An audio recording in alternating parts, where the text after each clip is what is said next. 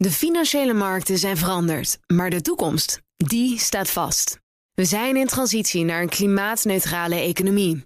Dit biedt een van de grootste investeringskansen van onze generatie. Een kans voor u om mee te groeien met de klimaatoplossingen van morgen. Meer weten? Ga naar carbonequity.com.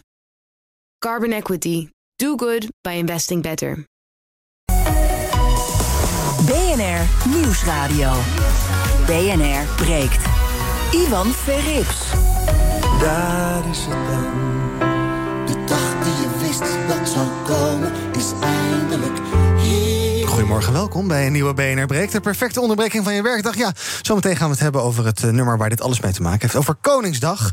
En vanaf half twaalf praat ik over eh, scholen die massaal zelftesten inslaan voor de leraren. Over de noordelijke provincies die eh, willen helpen met het bouwen van huizen. Maar daar willen ze wel wat voor terug, namelijk spoor. En we moeten misschien wel eens massaal kantoren gaan ombouwen. Omdat we gewoon willen blijven thuiswerken. En dat gaan we ook allemaal doen. Nou, vandaag in mijn panel heb ik Sonny Spek, gemeenteraadslid in Katwijk... voor de lokale partij Durf, politicoloog. Goedemorgen. Goedemorgen. En Moenja Houari is bij me, oprichter van Groei IT. Goedemorgen. Hallo, goedemorgen. En we gaan dus eerst praten over uh, uh, ja, ons breekijzer. En daarvoor heb ik ook bij me Casper Albers. Die is hoogleraar statistiek aan de Rijksuniversiteit Groningen. Goedemorgen, Casper. Goedemorgen. En dat uh, gaat dus om dat testevent van... Waar 10.000 bezoekers zaterdag van harte welkom zijn. Alleen het plaatselijke ziekenhuis slaat alarm. De lokale horeca is boos. Statistici, zoals Casper, die snappen er eigenlijk geen bal van. En de politiek in Breda plaatst nu ook de nodige vraagtekens. En vandaag geeft de gemeenteraad er een klap op of het nou doorgaat of niet. En dat brengt ons bij ons breekijzer. En dat is vandaag mm, dat een. Ja, BNR precies, ja. breekt. Ja, breekijzer. Ja, ja, dat breekijzer. Dat is vandaag een Fields Lab event met 10.000 bezoekers is nu een slecht idee. Misschien zeg je, ja, dat is inderdaad geen goed idee. Het komt allemaal net wat te vroeg. Zometeen over een paar maandjes, dan zijn we allemaal ingeënt... en dan kan het stukken makkelijker. Of misschien denk je, ja, ach, weet je, bij experimenteren... daar hoort ook bij dat je risico's neemt. Um, dus uh, dan moeten we dat maar gaan doen. Ons breekijzer dus. Een Fields Lab evenement met 10.000 bezoekers is nu een slecht idee. Bel om te reageren. Doe dat naar 020 468 4 keer 0 Ik heb Joe en Annette Dekker al aan de telefoon. Die kunnen zo reageren. 020 468 4 keer 0 mijn voornaamste bezwaar is trouwens een Koningsdagfeest dat helemaal niet op Koningsdag plaatsvindt. Maar oké, dat is iets anders. Um, om het uh, over uh, de politieke boeg te gooien, even aandacht voor Jeroen Bruins. Die is fractievoorzitter van het CDA in die gemeente, in Breda dus.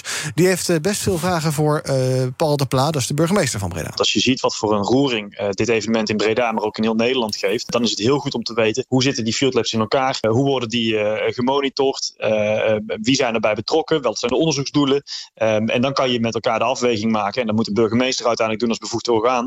Uh, of, uh, of dit field lab op deze locatie in deze vorm wel passend is voor Breda op dit moment. Nou, dat is het politieke aspect. En ons breekijzer is dus een field lab evenement met 10.000 bezoekers is nu een slecht idee. Bel door te nee, reageer door te bellen. Niet bel door te reageren. Reageer door te bellen naar 020 468 4 keer 0 um, Voordat ik een rondje in de studio ga doen, natuurlijk eerst even naar Casper. Um, wat vind jij? Is dat uh, nu een slecht idee om die 10.000 man aanstaande zaterdag naar Breda te laten komen? Ja, dat is een uh, goede vraag en ook een lastige vraag, omdat er zoveel nog onduidelijk is. Uh, jullie net dat uh, fragment horen van de fractievoorzitter van het CDA. En die stelde hele terechte vragen rond bijvoorbeeld: ja, wat is het onderzoeksplan? Wat willen ze precies meten? Waarom moet het bij een festival met 10.000 man en kan dat niet bij een festival van 1000 man? Mm. Al dat soort vragen zijn eigenlijk niet beantwoord. En ja, zolang op dergelijke vragen geen antwoord komt, dan lijkt het me heel onverstandig om dat midden in de pandemie uh, te gaan doen. Ja. Laten we er zo verder over praten. Ook over uh, de aspecten uit, jou, uh, uit jouw vakgebied, de statistiek. Eerst even een rondje in de ja. studio, Moenja. Ehm, ja, wie wilde niet naar een feestje? Tijd Kom op, zeg. een feestje. Ja. Nee hoor, ik vind onze overheid wel extreem. Of alles is dicht, of we gaan testen op 10.000 mensen.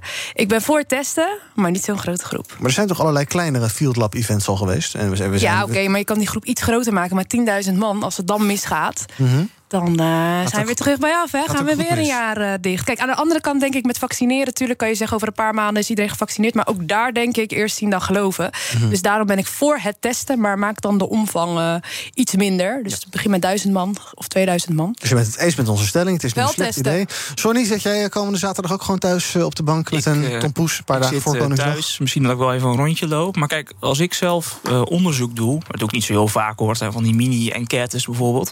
maar er is altijd één ding heel heel erg belangrijk. Dat is dat degene die je interviewt, dat je vraagt of diegene daar oké mee is en of hij dat accepteert. Nou, dit is ook een wetenschappelijk onderzoek. En eigenlijk is het wel interessant dat de mensen die deelnemen aan dit, in deze field lab, die geven daar toestemming voor. Mhm. Maar als er sprake is van besmettingen en dat gaat zich verspreiden, er zijn ook heel veel mensen die er niet voor hebben gekozen, zijn er ook het slachtoffer van. Mhm. Dus ik vind dat ethisch uh, argument eigenlijk nog helemaal niet genoemd worden.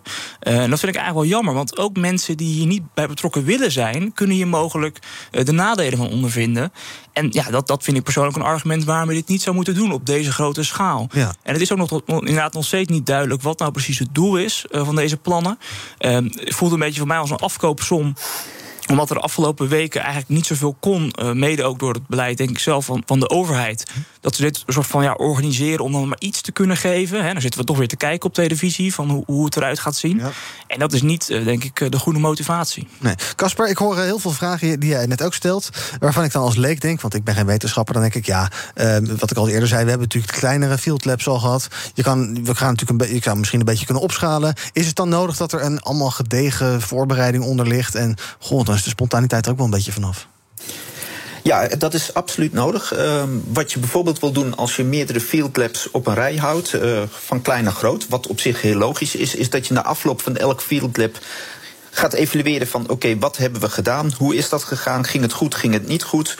Daar de resultaten over um, publiceert na peer review, dus andere onafhankelijke wetenschappers ernaar laten kijken en dan zegt van oké, we hebben nu lessen geleerd, we gaan een nieuwe stap doen waarbij we een aantal dingen aanpassen op basis van wat we geleerd hebben. Die hele leerstap lijkt steeds overgeslagen te worden. In ieder geval de publicaties worden overgeslagen.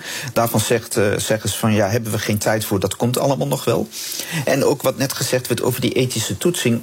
Het is gewoon verplicht als je onderzoek wil doen waar proefpersonen bij betrokken zijn, of dat nou medisch onderzoek is of gewoon gedragsonderzoek, dan ben je verplicht om mee te doen aan uh, of van tevoren een ethische toetsaanvraag in te dienen, mm -hmm. waarin je aangeeft van oké, okay, wat gaan we doen? Hoe gaan we het doen? Wat zijn de risico's voor deelnemers? En inderdaad ook wat zijn de risico's voor mensen die niet deelgenomen hebben, maar misschien indirect besmet worden? Ja. Het is compleet onduidelijk in hoeverre dat gedaan is. En dat is uh, zeer, zeer kwalijk. Ja. En zit er dan ook het aspect bij van bijvoorbeeld dat ziekenhuis dat op een paar, paar honderd meter afstand zit, waarvan mensen zeggen: ja, uh, wij zitten hier nu in een derde golf. En uh, bij wijze van spreken, als we uit het raam kijken, zien we daar 10.000 mensen feesten. Dat is toch niet helemaal de bedoeling. Zit, is dat ook zo'n ethisch aspect of staat dat er helemaal los van? Ik denk dat dat er een beetje los van staat. Ik, uh, Jochem Miro, een collega van me uit Groningen, gaf ook in de media aan van ja, waar je het festival ook houdt, er is altijd wel een ziekenhuis binnen 20 kilometer te vinden. Ja.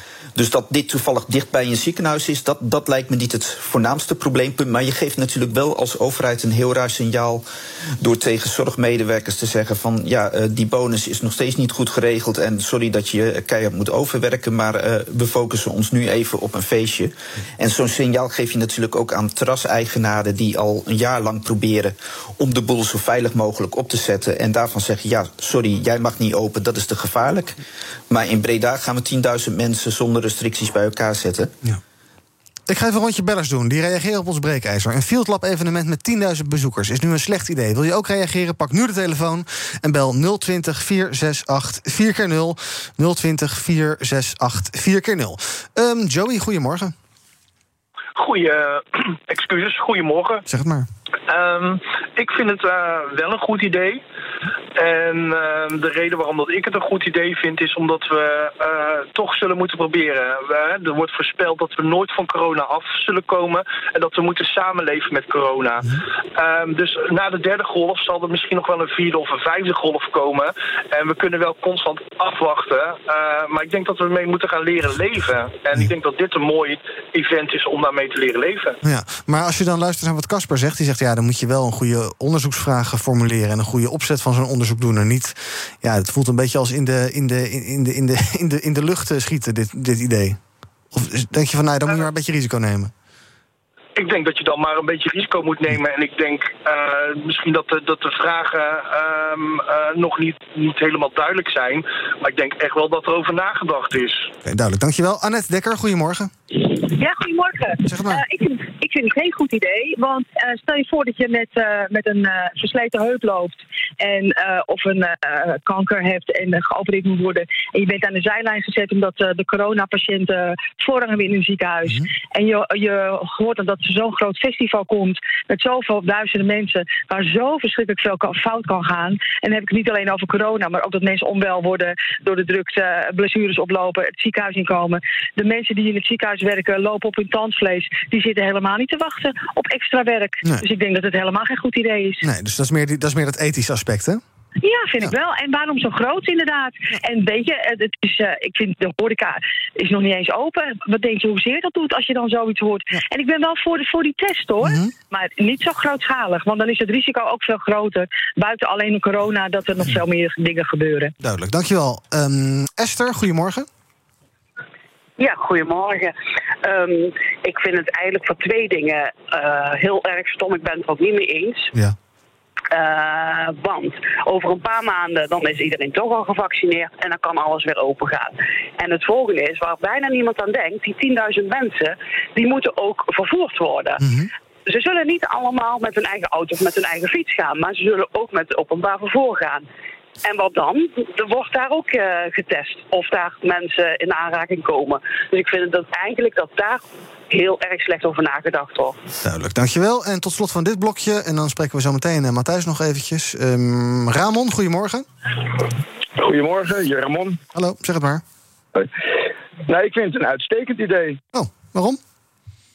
Nou ja, waar ik me een beetje zorgen om maak, is ehm, straks komt variant eh, X, Y, Z. En ehm, ja, het gaat maar door. En ik kan me niet voorstellen dat we hier nog vijf jaar in willen blijven zitten. Nee. Dus volgens mij zijn de zwakkeren nu ge- ge- allemaal ingeënt. En de ouderen zijn ook allemaal ingeënt. Dus ik ben van mening dat we, dat we weer gewoon moeten gaan leven. Ja, duidelijk. Dankjewel, Ramon, voor het bellen. Zometeen praat ik dus nog even met eh, Ruud en Matthijs. Blijf even hangen. BNR breekt. Ivan Verrips. Eerst nog even een rondje in de studio en ook met Casper praten. Ehm, eh, Casper, wat ik opvallend vind is... eh, hoe, hoe zou zo'n eh, proef er wel uit kunnen zien? Dan? Als je bijvoorbeeld kijkt naar hoeveelheid mensen... Zou je zeggen, hoe, ja, als jij de advies van die club was... hoe zou je dat dan aanraden om dit te doen? Ja, dat is lastig te stellen, omdat, zoals ik net al zei, ze gewoon hun onderzoeksplannen niet openbaren. Ze geven zelf ook aan van we passen onze onderzoeksplannen tot de laatste dag aan. Ehm, het zou kunnen dat ze wel per se 10.000 proefpersonen nodig hebben. Maar eigenlijk is het zo bij gedragsonderzoek. In 99 van de 100 gevallen heb je aan zeg 1000 participanten genoeg om in ieder geval statistisch solide conclu- conclusies te kunnen trekken. En ja, als je tien keer zoveel mensen uitnodigt, precies wat een van de bellers ook zei, het is niet alleen dat ze op dat festivalterrein staan in de buitenlucht, eh, waar ja, buiten is besmettingsrisico laag, maar ze komen in met de trein er naartoe enzovoorts. Dus er is gewoon een aantoonbaar risico. En dat wil je zo klein mogelijk houden. En tegelijkertijd eh, wetenschappelijk gezien solide conclusies kunnen trekken. Dus ja, een festival met 100 mensen, daar heb je te weinig aan. Want dat- is statistisch gezien niet genoeg. Met 10.000, dat, dat is dan weer het andere uiterste. Ja, Maar met duizend zou het prima kunnen, denk jij? Wa- waarschijnlijk wel. Dat ligt een klein beetje aan de onderzoeksvragen die ze precies willen weten. Maar dat zou in principe geen probleem moeten zijn. Moeja, nou was er eh, mega veel animo voor dit event. Ik geloof dat een miljoen mensen al kaartjes hiervoor wilden, wilden hebben. Zijn die, zijn die andere mensen, zijn dat allemaal mensen die een beetje jaloers zijn of zo? Het is nu ook Nou, wel heel nee, erg... Het zal niet jaloezie zijn. Ja. Iedereen wil gewoon weer leven. Iedereen wil dat alles weer open gaat. Dus daar zal het niet mee te maken hebben. Maar ik denk wel dat de ene wat meer nadenkt over de lange termijn en de impact. En de andere gewoon wat spontaan eh, daarop reageert. Mhm. Dus ik snap de animo heel goed. Alleen eh, ik heb zoiets van laten we Israël en Engeland als voorbeeld gebruiken. Zodat we zo meteen gewoon weer met z'n allen open kunnen. Ja. En begin met die horeca. Want ik snap niet waarom de horeca dicht is. Nee, nou, ik geloof dat ze ook in dit evenement niet mochten meedelen. Dus dat, ze- dat, dat ook wel dingen ja, die het is meespelen. zo krom. Het slaat helemaal nergens op. De kleine man tegenover de grote man natuurlijk. Ook Ja. weer hier. eh, Dat versterkt wel het onrechtvaardigheidsgevoel. En dan hebben we ook nog die petitie, eh, Sonny. Eh, Daar staat in: Wij verontrusten zorgverleners, patiënten op de steeds langer wordende wachtlijst, hun naasten en anderen constateren dat het vieren van een feest met 10.000 man op 400 meter van een door corona overbelast ziekenhuis een slag in het gezicht is van de patiënten en zorgverleners, verzoeken dit ondoordachte pseudo-experiment te cancelen. Uh, ik geloof 320.000 ondertekenaars of iets dergelijks. Uh, wat zegt zo'n petitie jou? Nou, ik, ik hoorde vanochtend uh, op televisie dat ook de fractievoorzitter van het CDA zei van ja, we kunnen letterlijk de muziek horen in het ziekenhuis. Mm -hmm. Dit geeft wel een heel sterk signaal af. En ik denk ook dat we echt wel verschillende groepen in de samenleving hebben die tegenover elkaar staan hierbij. Ik denk ook dat er heel veel animo van, voor was, maar ook dat heel veel mensen zich misschien niet hebben gerealiseerd hoe ze dat zouden moeten plaatsen en dat er ook heel veel ophef over zou komen. Ja. Wat ik eigenlijk veel interessanter vind, is er wordt nu wetenschappelijk onderzoek gedaan om te gaan kijken hoe kunnen we leven met corona. Maar we gaan nu vaccineren. Dus in, in, theorie zouden we de huidige variant, die nu zeg maar overheersend is, mm -hmm. die uh, hebben we straks onder de duim. Maar in de toekomst zou het natuurlijk kunnen zijn dat er nieuwe varianten komen. die bijvoorbeeld veel besmettelijker zijn of die dodelijker zijn. En dat zou in theorie kunnen. Waardoor de resultaten van dit onderzoek eigenlijk al niet meer relevant zijn. Dus ik vraag me af waarom je ook überhaupt dit experiment nu zou doen. Ja. Omdat we over een aantal weken, over een aantal maanden voor deze variant in ieder geval die wat niet meer nodig hebben. Ja. Dus het is eigenlijk ook een hele kromme situatie. Ja. Um, wat ik in ieder geval niet uh, begrijp. Want dit kan je over een jaar bijvoorbeeld niet zo herhalen. Nee, en dan kom je dus eigenlijk weer ook bij de vraag van Casper uit. Wat wil je nou eigenlijk onderzoeken? Ja. ja. en ik las, de overheid wil dit doen omdat ze in de zomer alles willen opengooien. En nu willen toetsen of dat kan. Maar eigenlijk zeg jij, het slaat nergens op, de aanpak die uh, nou ja, we hebben natuurlijk, gezegd. Maar, we, we hebben natuurlijk straks die vaccins. En je ziet nu bijvoorbeeld in Israël, uh, sowieso afgelopen zomer, ook dat in de buitenlucht relatief weinig besmettingen waren. Ja. En in de zomer, neem ik aan, is bijna iedereen gevaccineerd, of iedereen gevaccineerd die dat wil zijn. Um, dus ja, dan hebben we niet meer deze grote beperking. Nee. Laten we nog een watje bellers doen. Kijk wat onze ja. luisteraars van dit onderwerp vinden. Ons breekijzer, dat is vandaag dus een Field Lab evenement met 10.000 bezoekers, is een slecht idee. Wil je nog reageren, moet je wel echt nu bellen. 020 468 4x0. Ik ga beginnen met uh, Ruud. Goedemorgen. Hey, goedemorgen. Ja, ik, uh, ik, ben het, uh, ik vind het niet zo'n goed idee. Ik denk dat het een veel beter idee zijn om gewoon, zou zijn om gewoon tien horecagebieden, want die zijn vaak ook makkelijk af te sluiten, met duizend man te doen. Dan kan je het geografisch een beetje verdelen. En verplaats Koningsdag gewoon drie maanden. Dan uh, is het weer beter, minder kans op besmetting en meer mensen gevaccineerd. Ja. Wat maakt het eruit? Maar dat is niet meer de koningjarig, dat is natuurlijk wel een probleem. Marco, goedemorgen. Ja, goedemorgen, Mark Dijkhuis. Ja, ik vind het gewoon schrijnend in contrast met die huilende winkelier in Apeldoorn. Uh, dus dan vallen mensen gewoon, ik kan nog wel. En dan vallen dus mensen tussen wal en schip. Uh, dus gewoon alle winkels open. Ga die proef maar draaien. Ja, maar niet dit. Nou, maar, maar sluit het een het ander uit dan? Je kan toch allebei een beetje doen?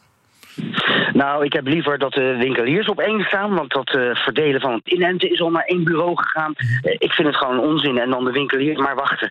Ja. Uh, van ellende doen ze een open en krijgen ze een boete. En er staan er twee stoere politiemannen om de sloot te veranderen van zijn winkel. Hm. Ja, dag. Nee. Oh, sorry, dat was mijn fout. Nou, wacht even. Je bent er nog. Ja, sorry, wat zei je nou? Ja, dag en toen? Uh, dat, dat is mijn mening daarover. Okay. Ik vind het niet uh, nodig. Duidelijk, sorry, ik druk hier te snel weg. Dankjewel, Marco. Lydia, goedemorgen. Ja, goedemorgen. Uh, ik vind het een goed idee. Mm -hmm. Ik ga er zelf niet heen, maar ik vind dat, dat even kijken hoe, de, hoe dat afloopt. Als er veel besmettingen zijn en het valt dus tegen... dan kan eindelijk de overheid zeggen... nou jongens, dit, dit is het resultaat en nu gaan we de boel handhaven. Want ze handhaven wel en dan weer niet en dan weer wel en dan weer... Kijk, dan laat het maar eens een keer gebeuren. Ja. En dan kunnen de mensen zien... nou, er zijn erg veel besmettingen uit voortgekomen. Dus het kan eigenlijk nog niet. Nee, maar het is wel een beetje spelen met vuur natuurlijk, hè, wat ja. je doet. Ja, nou ja, dat is dan... Dat willen mensen, heel veel mensen willen dat graag, want die willen allemaal feesten en ja. lekker lol... En, nou, laat, laat ze maar een keer doen en kijken wat het wordt. Ja. En als het positief zou zijn, nou ja, dan kun je ook de horeca open doen en andere dingen. Ja, en, de, en heb je, deel jij ook de zorgen die Casper hebt? Namelijk, de Casper heeft namelijk, ja, dat het onderzoek is eigenlijk helemaal niet goed onderbouwd. Wat wil je eigenlijk weten? Hoe zit dat allemaal wetenschappelijk in elkaar? Of zeg je van, nou ja, laten we het maar proberen? En, uh, ja, een hele hoop wetenschappers zeggen het is geen goed idee. Ja. Want, maar dan denk ik, nou, het zijn al, meestal zullen het al jongeren zijn die daar naartoe gaan. Uh -huh. Die over het algemeen behoorlijk gezond zijn, denk ik. Mm -hmm. Ja, dus het Nou ja, we zullen kijken. Maar mocht het dan toch tegenvallen... Ja. dan heeft ook Rutte en, zijn, en die groep... die, hebben dan iets, die kunnen dan met de vuist op tafel. Ja, ja ze kunnen het eigenlijk nooit, nooit, goed doen misschien wel. Maar daar gaat het zo nog wel even over hebben. Um, nog twee bellers voor nu. Rick, goedemorgen.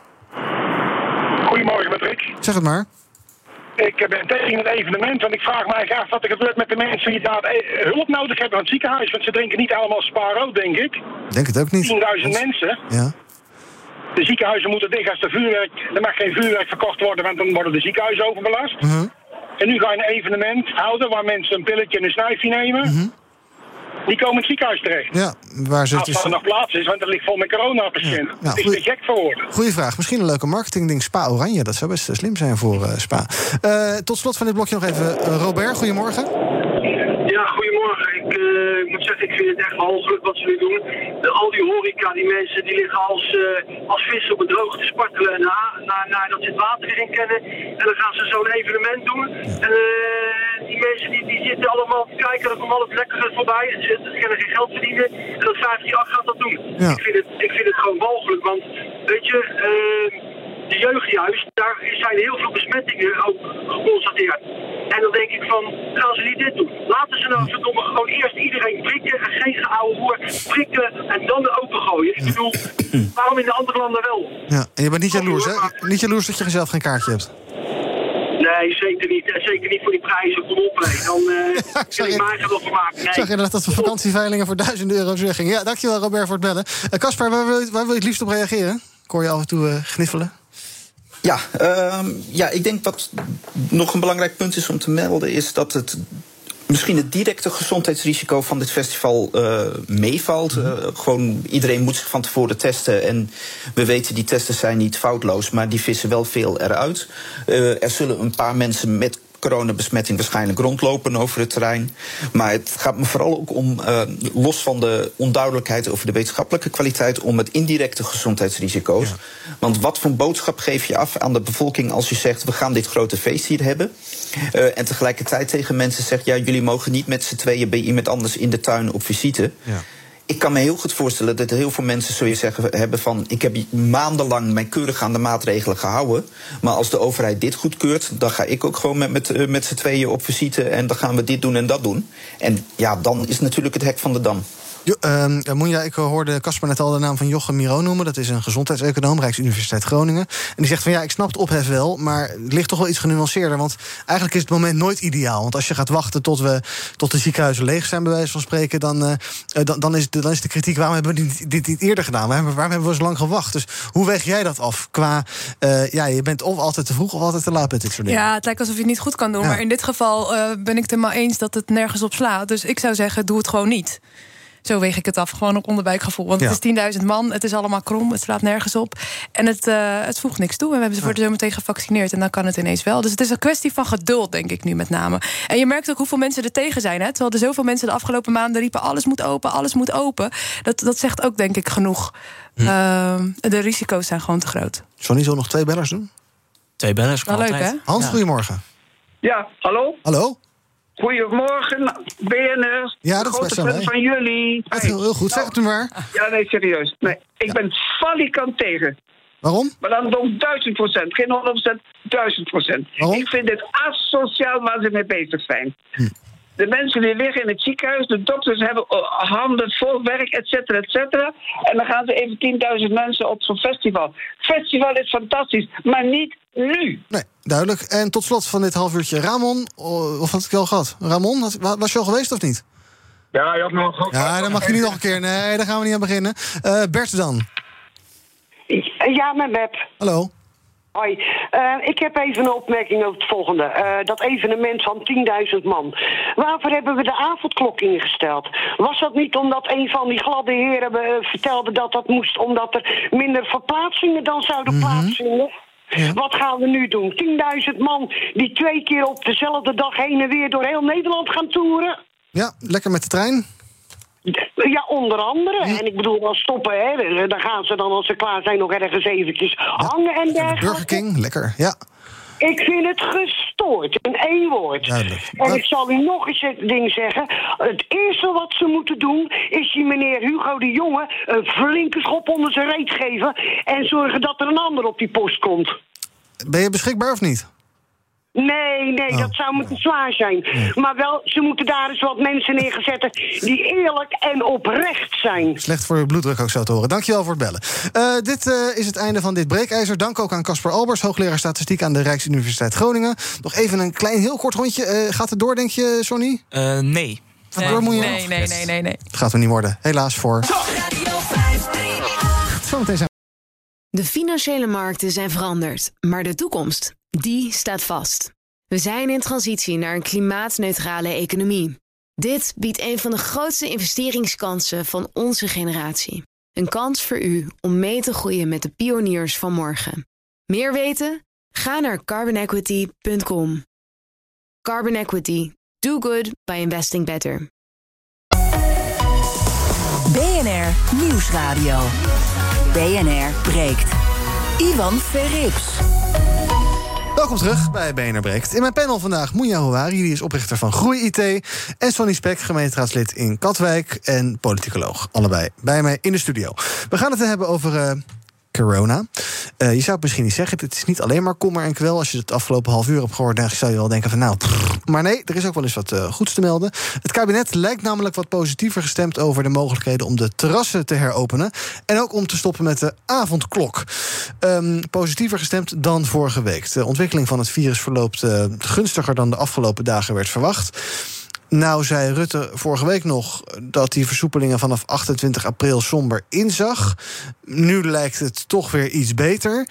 Um, Monia, kan jij, daar, kan jij hier nog een touw aan vastknopen? In de zin van, natuurlijk goed dat er goed nieuws is. Alleen heb jij nou een idee waar hij nou zijn kennis op baseert... en kan je dat reproduceren voor jezelf? Geen idee. Oh. Korte antwoord. Nee? Nee. nee. Is het verwarrend voor je?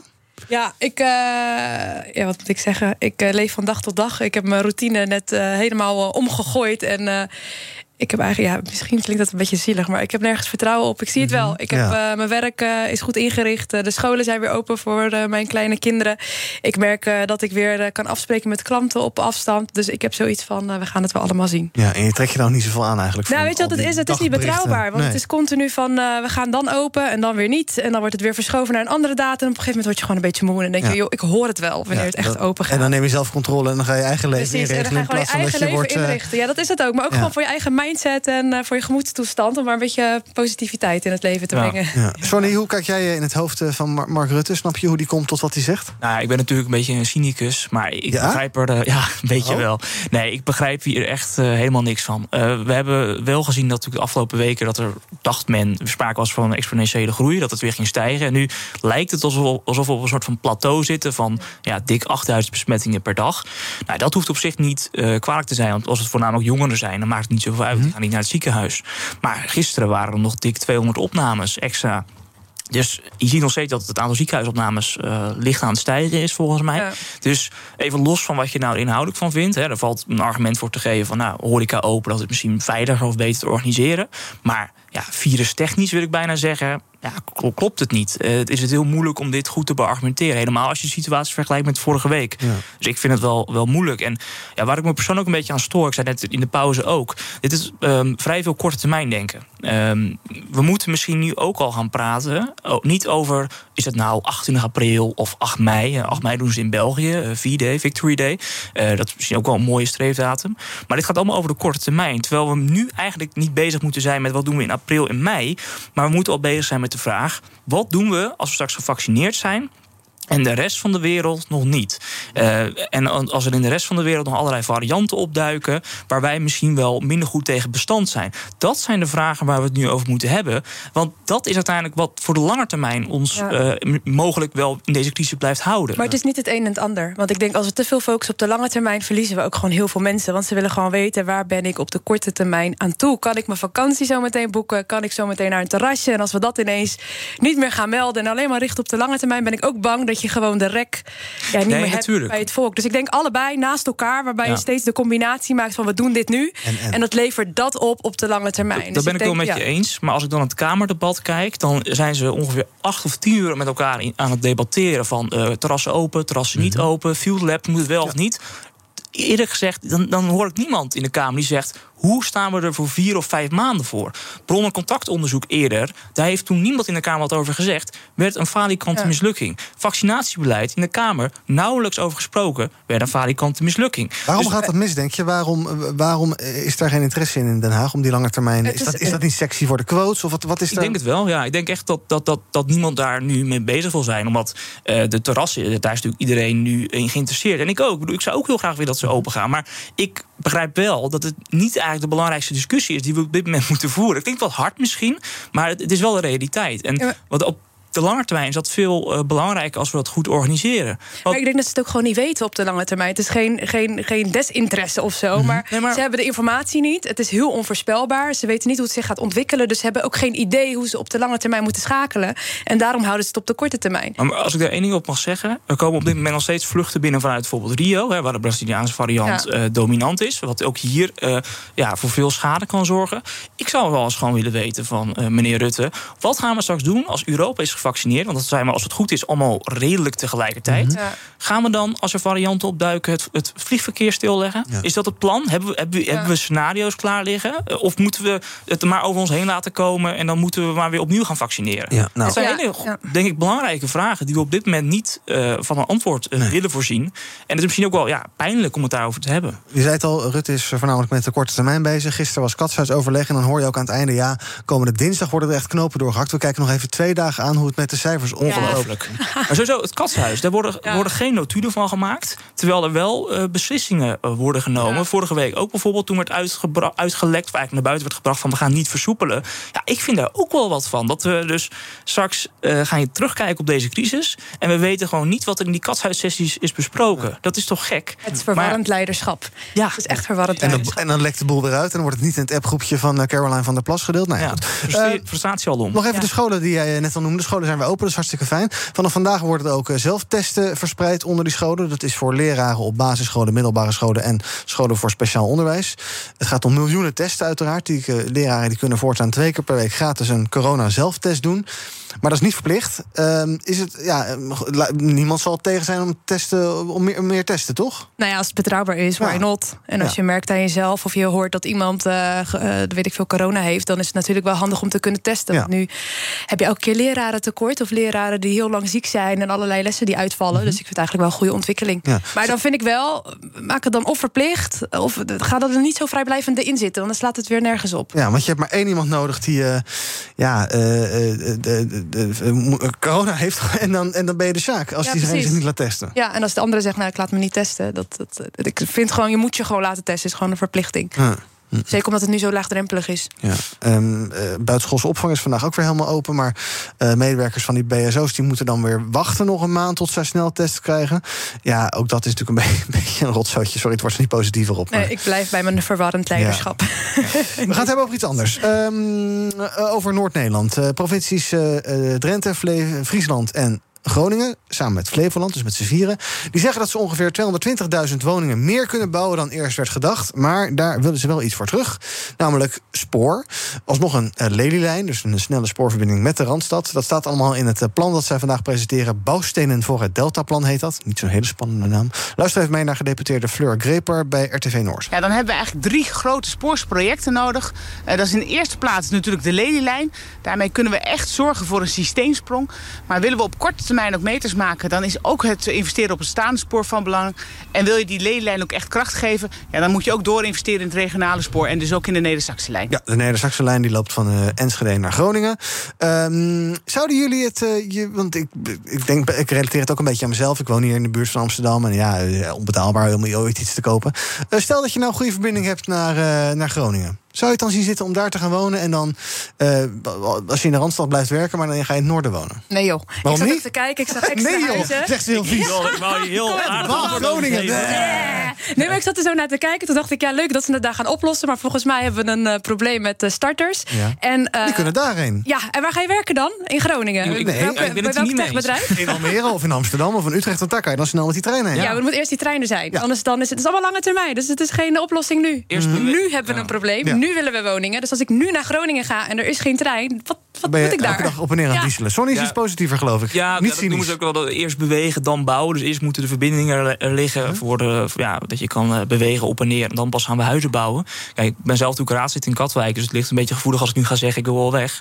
Kijk, kijk op zich zou Eigenlijk ik. wil je wel. Ja, ik, ik zeg niks meer. Nee, maar ik, ik vind het uh, een hele goede ontwikkeling dat we Nederland zien, niet zozeer als een, als een land, maar ook meer als een soort van grote stad. Mm -hmm. uh, dat zij Fortuyn, dat is altijd van die mooie beelden, dat, die, dat Pim Fortuyn dan door zo'n park loopt, zegt van ja, eigenlijk Nederlandse natuur, dat is natuurlijk ook gewoon een binnenpark, hè, de Veluwe. Mm -hmm. Het is gewoon een parkje. Dat is natuurlijk een beetje overdreven, maar we moeten Nederland wel echt gaan zien als een, um, als een plek waar je heel snel op en neer moet kunnen reizen en waar het niet gek moet zijn, dat als je bijvoorbeeld in Drenthe of uh, in Arnhem woont, dat je een snelle verbinding hebt naar de Randstad. Ja. We hebben natuurlijk dat Nationaal Groeifonds. Mm -hmm. Hartstikke positief. Maar toen ik het las, uh, nou, ik woon dus zelf ook in de Randstad. Maar dan waren wel allemaal projecten, uh, voornamelijk op het gebied van infrastructuur, bijvoorbeeld het doortrekken van de Noord-Zuidlijn, die uh, gefocust zijn op de Randstad zelf. En hoe kunnen we het hier goed gaan verbinden? Terwijl je denk ik juist de kans is om uh, de woningmarkt hier een beetje te ontlasten, om inderdaad meer in de ja, periferie te gaan bouwen. In de, hier in de omgeving, Drenthe, Groningen, mm. Friesland, daar is ontzettend veel ruimte. En um, ja, daar zouden heel veel mensen denk ik, met, met veel liefde gaan wonen. Niet goede verbindingen dus. Ja, ja, precies, maar, maar de verbinding is niet goed. Maar als ze er wel zouden zijn. Nu het probleem op. Dat is het gewoon meer. Ja, ja maar kijk, ja. kijk, en op de lange termijn geloof ik ook met digitaal werken en work-from-home concepten, wat je nu ziet bij veel bedrijven, dat je misschien niet eens hoeft te reizen naar de Randstad en lekker vanuit Groningen kan werken voor een of andere start-up of mm -hmm. skill-up. Alleen het gaat me er meer om dat er nu een probleem is en er moet nu een oplossing komen. En dat is Groningen, is dat niet? En Drenthe ook niet? Ja, nee, daar ben ik niet mee eens. Ik denk dat die oplossing daar wel degelijk uh, in zit. Je hebt natuurlijk uh, gewoon snelle mogelijkheden om die verbinding te leggen. Um, en ik zou niet inzien waarom dat uh, niet mogelijk is. Uh, uiteindelijk voor de lange termijn moet je die woningmarkt die toch ontlasten. En op een gegeven moment zijn we ook gewoon volgebouwd. Hè. In mijn gemeente hebben we nog één plek waar we eigenlijk kunnen bouwen. En dan zitten we ja. gewoon vol. Ja. Dus um, ik, ik denk dat dit een, een, goede mogelijkheid is. En je ziet nu ook trouwens dat heel veel mensen vanuit de Randstad ook naar het platteland al trekken. Hè. Ja. Ook de huizenprijzen op het platteland tussen aanleidingstekens. Stukken die stijgen lager. ook steeds, uh, stijgen ook steeds harder. Dus nee, ik denk dat het wel de toekomst is. Oké, okay, laten we zo nog een poging doen om uh, Moenja te over, over te halen. Om toch echt naar het noorden Mooi, van hoor, Friesland. Ja, geloof ik wel. BNR breekt. Eerst even naar Thomas van Zel, want die is terug van een weekje weg. Ja, een weekje Friesland, mooi Een weekje Friesland, wat Ja, leuk. zeker. Overweg om daar te gaan wonen, als er een Nou, goede spoorverbinding is? Nou, wie weet. Nou, Ja. trouwens, kijk, die Lelylijn, eh daar is het al heel vaak over gegaan. Sinds de jaren 50. Ik geloof ook dat ze niet door de eerste hoorde van dat groeifonds heen zijn gekomen. Dus dit is waarschijnlijk ook weer een extra drukmiddel om dat toch tot stand Mhm. te krijgen. En ehm, ik ga er ook even op door, omdat zometeen Martin van Rijn bij ons te gast is. Hij is de voorzitter van EDES, de brancheorganisatie van de corporaties. En een van de grote initiatiefnemers van het plan om 1 miljoen huizen te gaan bouwen. En die moeten dus wel ergens komen. Dus ik vermoed dat hij wel met interesse kijkt naar de ambities die vanuit die noordelijke provincies nu worden geformuleerd. Dus mooi dat jullie alvast eh, de aftrap hebben gedaan. Eh, bij ons eh, hebben we ook natuurlijk nog de economen van het economenpanel. Onder andere over dat beschikbare inkomen. En of dat nu wel of niet is toegenomen de afgelopen jaren. Daar is veel polemiek over. En ehm, waar nog veel meer over te doen is, zeker vandaag, dat is die schikking van ABN AMRO. In BNR Zaken doen om 12 uur een reactie van de topman Robert Zwaak. Mooi. Dacht het wel. Wij zijn met veel liefde jouw voorprogramma, Thomas. Elke werkdag hier op BNR dezelfde Dienst van. BNR breekt. Nou, doe nog eens een poging. Haal er eens over. Nou ja, kijk, als je nu. Ik ga het gewoon eens even proberen. Nee, maar kijk, als, je- bijvoorbeeld vanuit, als je nu vanuit Leiden naar Maastricht wil komen, dan ben je denk ik 2,5 uur onderweg. ja. echt eh, echt een Ja. fors stuk. Terwijl als je van Rotterdam naar eh, Parijs wil, dan ben je er denk ik drie uur mee bezig. Ja. Kijk, tuurlijk, dat is het Thalys. Maar snelle verbindingen in Nederland zouden echt nog wel kunnen worden gerealiseerd. En waarom... ehm, de, de afstanden zijn allemaal relatief. Hè? Dus eh, waarom zou je niet in, in Arnhem of in Nijmegen kunnen gaan wonen... en in Den Haag gaan werken als die verbindingen goed zijn? Uiteindelijk moet je in Nederland ook ervoor gaan, eh, aan gaan werken... dat er een spreiding is van eh, kennis, maar ook van de economische slagkracht. Dus dat niet alles in de Randstad is gerealiseerd. Anders krijg je allerlei gebieden die eigenlijk een beetje achterblijven. Dat zie je nu al langzaam ontstaan in bijvoorbeeld Groningen, Friesland, Parkstad en Limburg. Waar mensen eh, wegtrekken omdat er geen economische activiteiten zijn of te weinig. Nou, vervolgens blijven daar mensen achter eh, die, ja, laten we zeggen, minder kansen hebben. Nou, daar hebben we het de vorige keer ook over gehad. Als het bijvoorbeeld ging over, over, over goed eten. Ja, uiteindelijk de, de, de kansrijke mensen trekken weg en de kansarme mensen blijven achter. En daardoor krijg je een enorme ja, tweedeling in de samenleving. Maar is je niet hebt natuurlijk gelijk. Voor morgen is dit geen oplossing. Wat is voor jou voor morgen wel een oplossing? Nou ja, ik woon in eh, Rotterdam. En, eh, als Oh, jij joh. Rotterdam. Oh, jij Rotterdam. Oh, ja, joh. Nee, maar als ik kijk waar ik woon, een hele rustige buurt. En ik woon eh, tegen zo'n bedrijventerrein aan. Ik had vorige keer ook al gezegd. Maar het staat helemaal leeg. Oh. Dus geen, geen kantoor. Tenminste, de kantoren zijn er wel, maar het is leeg. En zijn nu bezig om het om te bouwen naar studio's. En dan denk ik, kijk, dat is een top idee. Kijk gewoon naar wat er al is en hoe het benut wordt. En in dit geval wordt het minimaal eh, benut door corona... of doordat we veel bedrijven toch afstand nemen van kantoorpanden. En ga dat dan nu in, aantrekkelijk maken voor eh, starters. Ja, nou, nu je dat toch zegt, ehm, onderzoekje vandaag... meer dan een derde van de ondernemers zegt dat ze gaan besparen... op kantoor- en bedrijfsruimte. Want ja, thuiswerken, digitaal vergaderen... dat wordt allemaal standaard na corona. Met als gevolg dus dat we minder vierkante meters kantoor nodig hebben... eh, vertelt eh, René Voets, die is directeur bedrijven van Interpolis... en zij hebben dat dus onderzocht. In het grote MKB zien we 57% van eh, de ondernemers te zeggen dat ze blijven stimuleren dat mensen thuiswerken. En ze investeren ook komend kwartaal in het thuiswerken heel duidelijk. En daaraan gekoppeld is, en dat zie je ook heel duidelijk, dat eh, MKB'ers aangeven dat ze gaan besparen op eh, kantoor of bedrijfsruimte. Als gevolg denken we van het meer thuiswerken. Als er meer thuisgewerkt wordt, zijn er minder vierkante meters op kantoor nodig. Ja, dus Moenja, hoe zie je dat voor je? Ga, eh, Helemaal mee eens dit. Ga- gaan we dan ehm, twee dagen per week of drie dagen per week thuiswerken? En zou je dan kunnen zeggen, nou, dan is dus de helft van de kantoorruimte tussen haakjes overbodig? Ik denk dat we elkaar straks op een andere manier gaan ontmoeten. Dus veel meer inspirerend, brainstorm-sessies. En de vraag is, moet je dan op kantoor afspreken... of kan je ergens in een koffietent afspreken... of even een inspirerende ruimte huren op het moment dat het nodig is. Dus ik denk dat die, Inspirerende ruimte. ja, die inspirerende ruimte ergens op een leuke locatie bedoel ik. Eh, In plaats van dat je elke keer maar naar kantoor moet. Ik denk dat mensen zo meteen niet meer... Niet eens meer willen naar kantoor. Ik had vorige week moest ineens naar een klant. Ik voelde me helemaal awkward. Ik was helemaal gewend om Ja. digitaal met iemand te praten. Ik vind het wel leuk om hier te komen. Ja, ik vind het wel leuk. Weet je, een beetje eng. Ik ben Mhm. ineens heel introvert geworden. Nee hoor. Maar ik kan me wel voorstellen dat mensen op een andere manier straks hun werk en hun leven gaan inrichten. En dat, het, dat, dat gewoon het doel van het hebben van een kantoor anders wordt. Ja. Hoeveel kantoren heb je in Katwijk nog staan waarvan je denkt van nou, die kunnen dus niet tegen de vlakte, maar daar kunnen we een mooi huis van maken? Oeh, dat vind ik wel een goede. Nou, we hebben natuurlijk heel veel economische activiteiten in Katwijk. Dus ik denk eigenlijk heel weinig. Maar als ze er zijn, dan zou dat een hele mooie optie zijn. Ja, kijk, eh, inspirerende ruimte. Ja, ik heb zelf mijn slaapkamer waar ik tegenwoordig ook heel inspirerend is en waar ik werk. Ehm, maar ik denk toch ook wel dat het noodzakelijk is dat je als werknemer ook wel ja, andere mensen nodig hebt om, om die dag mee door te brengen. En daar ook misschien wel van te leren. Ik jij was zou- er niet per se blij van als je, als je toekomstbeeld is dat je drie dagen per week thuis zit. Nee, kijk, ik sta nu aan het begin van mijn tussen aanhalingstekens carrière. eh, en ik zou het verschrikkelijk vinden als ik dat moet beginnen eh, door heel veel thuis te werken. Ik denk juist dat die persoonlijke eh, connecties heel erg belangrijk zijn. Dus nee, ik sta er niet heel erg om te springen. Maar eh, misschien, ja, misschien zal het wel een, realiteit zijn. Dan moet je er inderdaad wel op inspelen. Het zal een mix zijn, denk ik. Kijk, weet je, vroeger was het een soort van privilege. Als je een dag thuis mocht werken, moest je helemaal smeken. Mag ik één dag in de week thuis werken? En dan mocht het van sommige hippe Ja. bedrijven. En zo meteen wordt dat wat normaler. Maar ik denk inderdaad dat het een combinatie wordt van beide. Dat je elkaar ontmoet voor het inspirerende. En thuis lekker eh, allerlei lijstjes gaat wegwerken. Ja. Vanochtend was eh, Jeroen Lokersen van Cushman Wakefield, de vast- vastgoedadviseur, die was hier bij ons bij BNR. En die zei het volgende. Het kantoor is veel meer dan een kostenpost. Dat is toch de plek where the magic happens. Ja, Moenja, kantoor is de plek waar de magic happens. En niet in allerlei... Tent ook hoor. Ja? Ja, zeker. Ja, dat deed ik sowieso altijd met collega's. Ook toen we elkaar mochten ontmoeten, dacht ik, kom, we gaan even weg van kantoor. Ja. We zitten hier de hele dag. Of we gaan even een wandeling maken. Het gaat erom dat je elkaar ontmoet. En waar je elkaar ontmoet, dat maakt niet uit. Nee. Zeker niet als de horeca open Nee. gaat. Maar wat, wat ga je dan, eh, ga je dan, laat ik maar even zeggen, saai tikwerk thuis doen? En alle Ja. andere dingen, Ja. die, daarvoor zoek je elkaar op? Ja, dus het inspirerende, brainstormen, een high-sessie of een plan van aanpak maken. Of kijken hoe we iets gaan Mhm. aanpakken. Dat je dat gewoon met elkaar doet. En het uitwerken daarvan, het gieten in een plan of het uitschrijven van iets, dat doe ik gewoon thuis. Ja. Thuis werk ik ook veel sneller. Dan even dezelfde vraag die ik net ook aan Sonny stelde. Hoeveel eh, kantoren staat er? Ik snap dat je geen of, oppervlaktes weet. Maar heb jij een beeld van, nou, daar, daar kunnen we dus nog heel veel mensen kwijt in Rotterdam? maar Ja, nu Rivium. Rivium staat helemaal leeg. Heel veel, eh, Is dat? Ja, dat is tegen Rotterdam aan. Oké. Dus aan de IJssel. En volgens mij heeft de gemeente al plannen trouwens... om daar tienduizenden woningen te bouwen de komende jaren. Omdat het nu alleen maar kantoren zijn die leeg staan. Mhm. Dus ik vind dat een goede ontwikkeling. En tuurlijk, ja, mensen die naar Groningen willen... mogen lekker van mij naar Groningen. Ja. Maar ik zo'n snelle Rotterdam. treinverbinding snelle Als iedereen naar Groningen gaat, kan jij hier Ja, blijven. precies. Ga, Maar, ga maar allemaal weg. Ja. Maar ook niet over te halen, dus met eh, lagere prijzen en zo. eh. Kijk, ja, tuurlijk. Ik kan lekker vrijstaand wonen Ja, voor eh, een prikkie en in. Rotterdam. Ik heb nog nooit een tuin gehad. Ja, ik heb wel een tuin in Dan Rotterdam. kan je een hond nemen en kinderen. Ik kan ook geen kinderen. Ja, nee, goed, ja. Nee hoor, ik blijf zitten waar ik zit. Oké. Ehm, we gaan eens even kijken wat de trending is op de sociale media. Onder andere hashtag Museumplein. Ja, daar was hij weer. Daar werd traditioneel getrouw koffie gedronken. Zondag, gisteren dus. En dat klonk zo. Ja, zou bijna denken, het is eh, 538 Koningsdag, maar het is echt een museumplein. Hashtag Super League, daar is een hoop over te doen.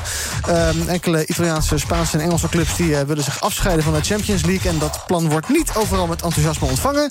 En ook uh, trending is hashtag AstraZeneca. De EU denkt erover na om uh, geen nieuwe coronavaccins meer af te nemen van AstraZeneca. En dat komt allemaal door de te trage leveringen. Um, wie wil nog iets zeggen over de Super League? Ja, ik ben geen voetbalvolger. Ik ja, denk, ik volg het ja, wel. al. Het, het gaat over geld. Hè. Ja, Um, dat is heel veel geld ook. Heel veel geld. En ja, het hele idee van voetbal is natuurlijk dat je kan promoveren en kan degraderen. En in, in die opzet uh, vervalt dat. Dus dan krijg je weer een soort van tweedeling. Um, en het, ja, weet je, dit kan wel eens als een boemerang gaan terugwerken. Want heel veel clubs uh, zijn natuurlijk opgekocht. Voornamelijk Mhm. in Engeland door, uh, nou, even plat gezegd, rijke oliesheiks. Even generaliserend gesproken. Maar het zou zomaar eens kunnen zijn dat misschien nu de Britse overheid zegt van ja, misschien moeten we dat wel meer gaan reguleren. We moeten bijvoorbeeld die voetbalclubs weer in handen laten komen van de fans. Ja. Uh, een systeem wat je in Duitsland hebt. Dus ik, ik ben heel erg benieuwd hoe, hoe het zich gaat ontwikkelen. Um, maar het is wel, uh, ja, het is niet dat ik er uh, van wakker lig, maar het is wel vervelend om te zien hoe dat zeg maar uit handen van de fans wordt uh, getrokken en het echt meer en meer om geld gaat. Het is big business, man, ja? Ja, Big money. business. Ja. ja, daar draait het dan toch? Ja, nee, dat is Is er zeker. een mening over, of niet echt? Nee, kijk, voetbal gaat de ene oor in, ander uit. Maar dan wil ik van jou nog weten wat er mis is aan de Champions League nu. Want ik heb, ik, voetbal boeit me ook echt totaal helemaal niets. Nou. dus dan mag jij nog in 19 seconden wat er, vertellen wat er mis is aan de Champions League op dit Nou, moment. En wat er zou moeten veranderen. Dat, dat, AZ niet meedoet. Eh, dat is ook altijd vervelend. eh, mijn clubpie. Maar voor de rest, ja, het is natuurlijk enigszins voorspelbaar eh, geworden. Omdat er nog een aantal clubs zijn in Europa die heel veel geld hebben. Manchester City, eh, Chelsea. ehm, nou, ga- gaan we zo maar door. En die komen eigenlijk altijd wel ver. Eh, Paris Saint-Germain, Bayern. En daardoor wordt het eigenlijk steeds saaier. En nu door deze nieuwe opzet willen ze het wat, weer wat competitiever Mhm. maken, eh, maken. Als alternatief voor de gewone eh, clubcompetities. Als je bijvoorbeeld kijkt naar Ajax in Nederland. Die heeft een enorme grote begroting. Ja, en, en die wordt relatief makkelijk kampioen. Ja, Ja. Is dat dan nog spannend voor de, voor de kijker? En zij denken dus dat als je een Europese competitie creëert... dat het dan weer meer mensen trekt. Ja, heel veel mensen zijn tegen. Ik zag, nou ja, UEFA, FIFA natuurlijk. Ik zag Boris Johnson, die had al iets getwitterd dat hij tegen is. Gaat hij er komen, denk je, de Super League? Ik denk het niet. Oké. Nee, Uiteindelijk, en dan gaan dan de Champions League iets hervormen. Ja, meer clubs clubjes, bijvoorbeeld. En er komt nog een, voor mij een nieuwe liga eh, tussen de Europa League en de Champions League Mhm. in. Of eh, ja, een tussenvorm, waardoor meer clubs weer mee kunnen doen. Uiteindelijk gaat het om zoveel mogelijk wedstrijden, Ja. zoveel mogelijk En kijkers. uiteindelijk ook beter voor de kijker ook misschien wel. Ja, als het leuke wedstrijden zijn. En voor de clubs. Alright, dank jullie wel voor het aanwezig zijn bij eh BNR Breekt. Vandaag Moenja Houari, oprichter van Groei Thee. Gaat zo terug naar Rotterdam, denk ik. Ja. Met veel liefde waarschijnlijk. Inspirerende Jij gaat tot walgelijke 020. En Sonny Spek, gemeenteraadslid in Katwijk. politicoloog. En hij zit daar in de raad voor de partij Durf. Morgen ben ik er weer. Tot die tijd kan je ons volgen op de socials. eh, @BNR op Twitter, @BNR Nieuwsradio op Instagram. We zitten op YouTube en natuurlijk op bnr.nl. Zometeen zaken doen met Thomas van Zel. Die ontvangt daar de hoogste baas van ABN AMRO, Robert Zwaak. Wordt een interessant gesprek. Morgen ben ik er weer. De financiële markten zijn veranderd, maar de toekomst, die staat vast. We zijn in transitie naar een klimaatneutrale economie. Dit biedt een van de grootste investeringskansen van onze generatie. Een kans voor u om mee te groeien met de pioniers van morgen. Meer weten? Ga naar carbonequity.com. Carbon Equity. Do good by investing better.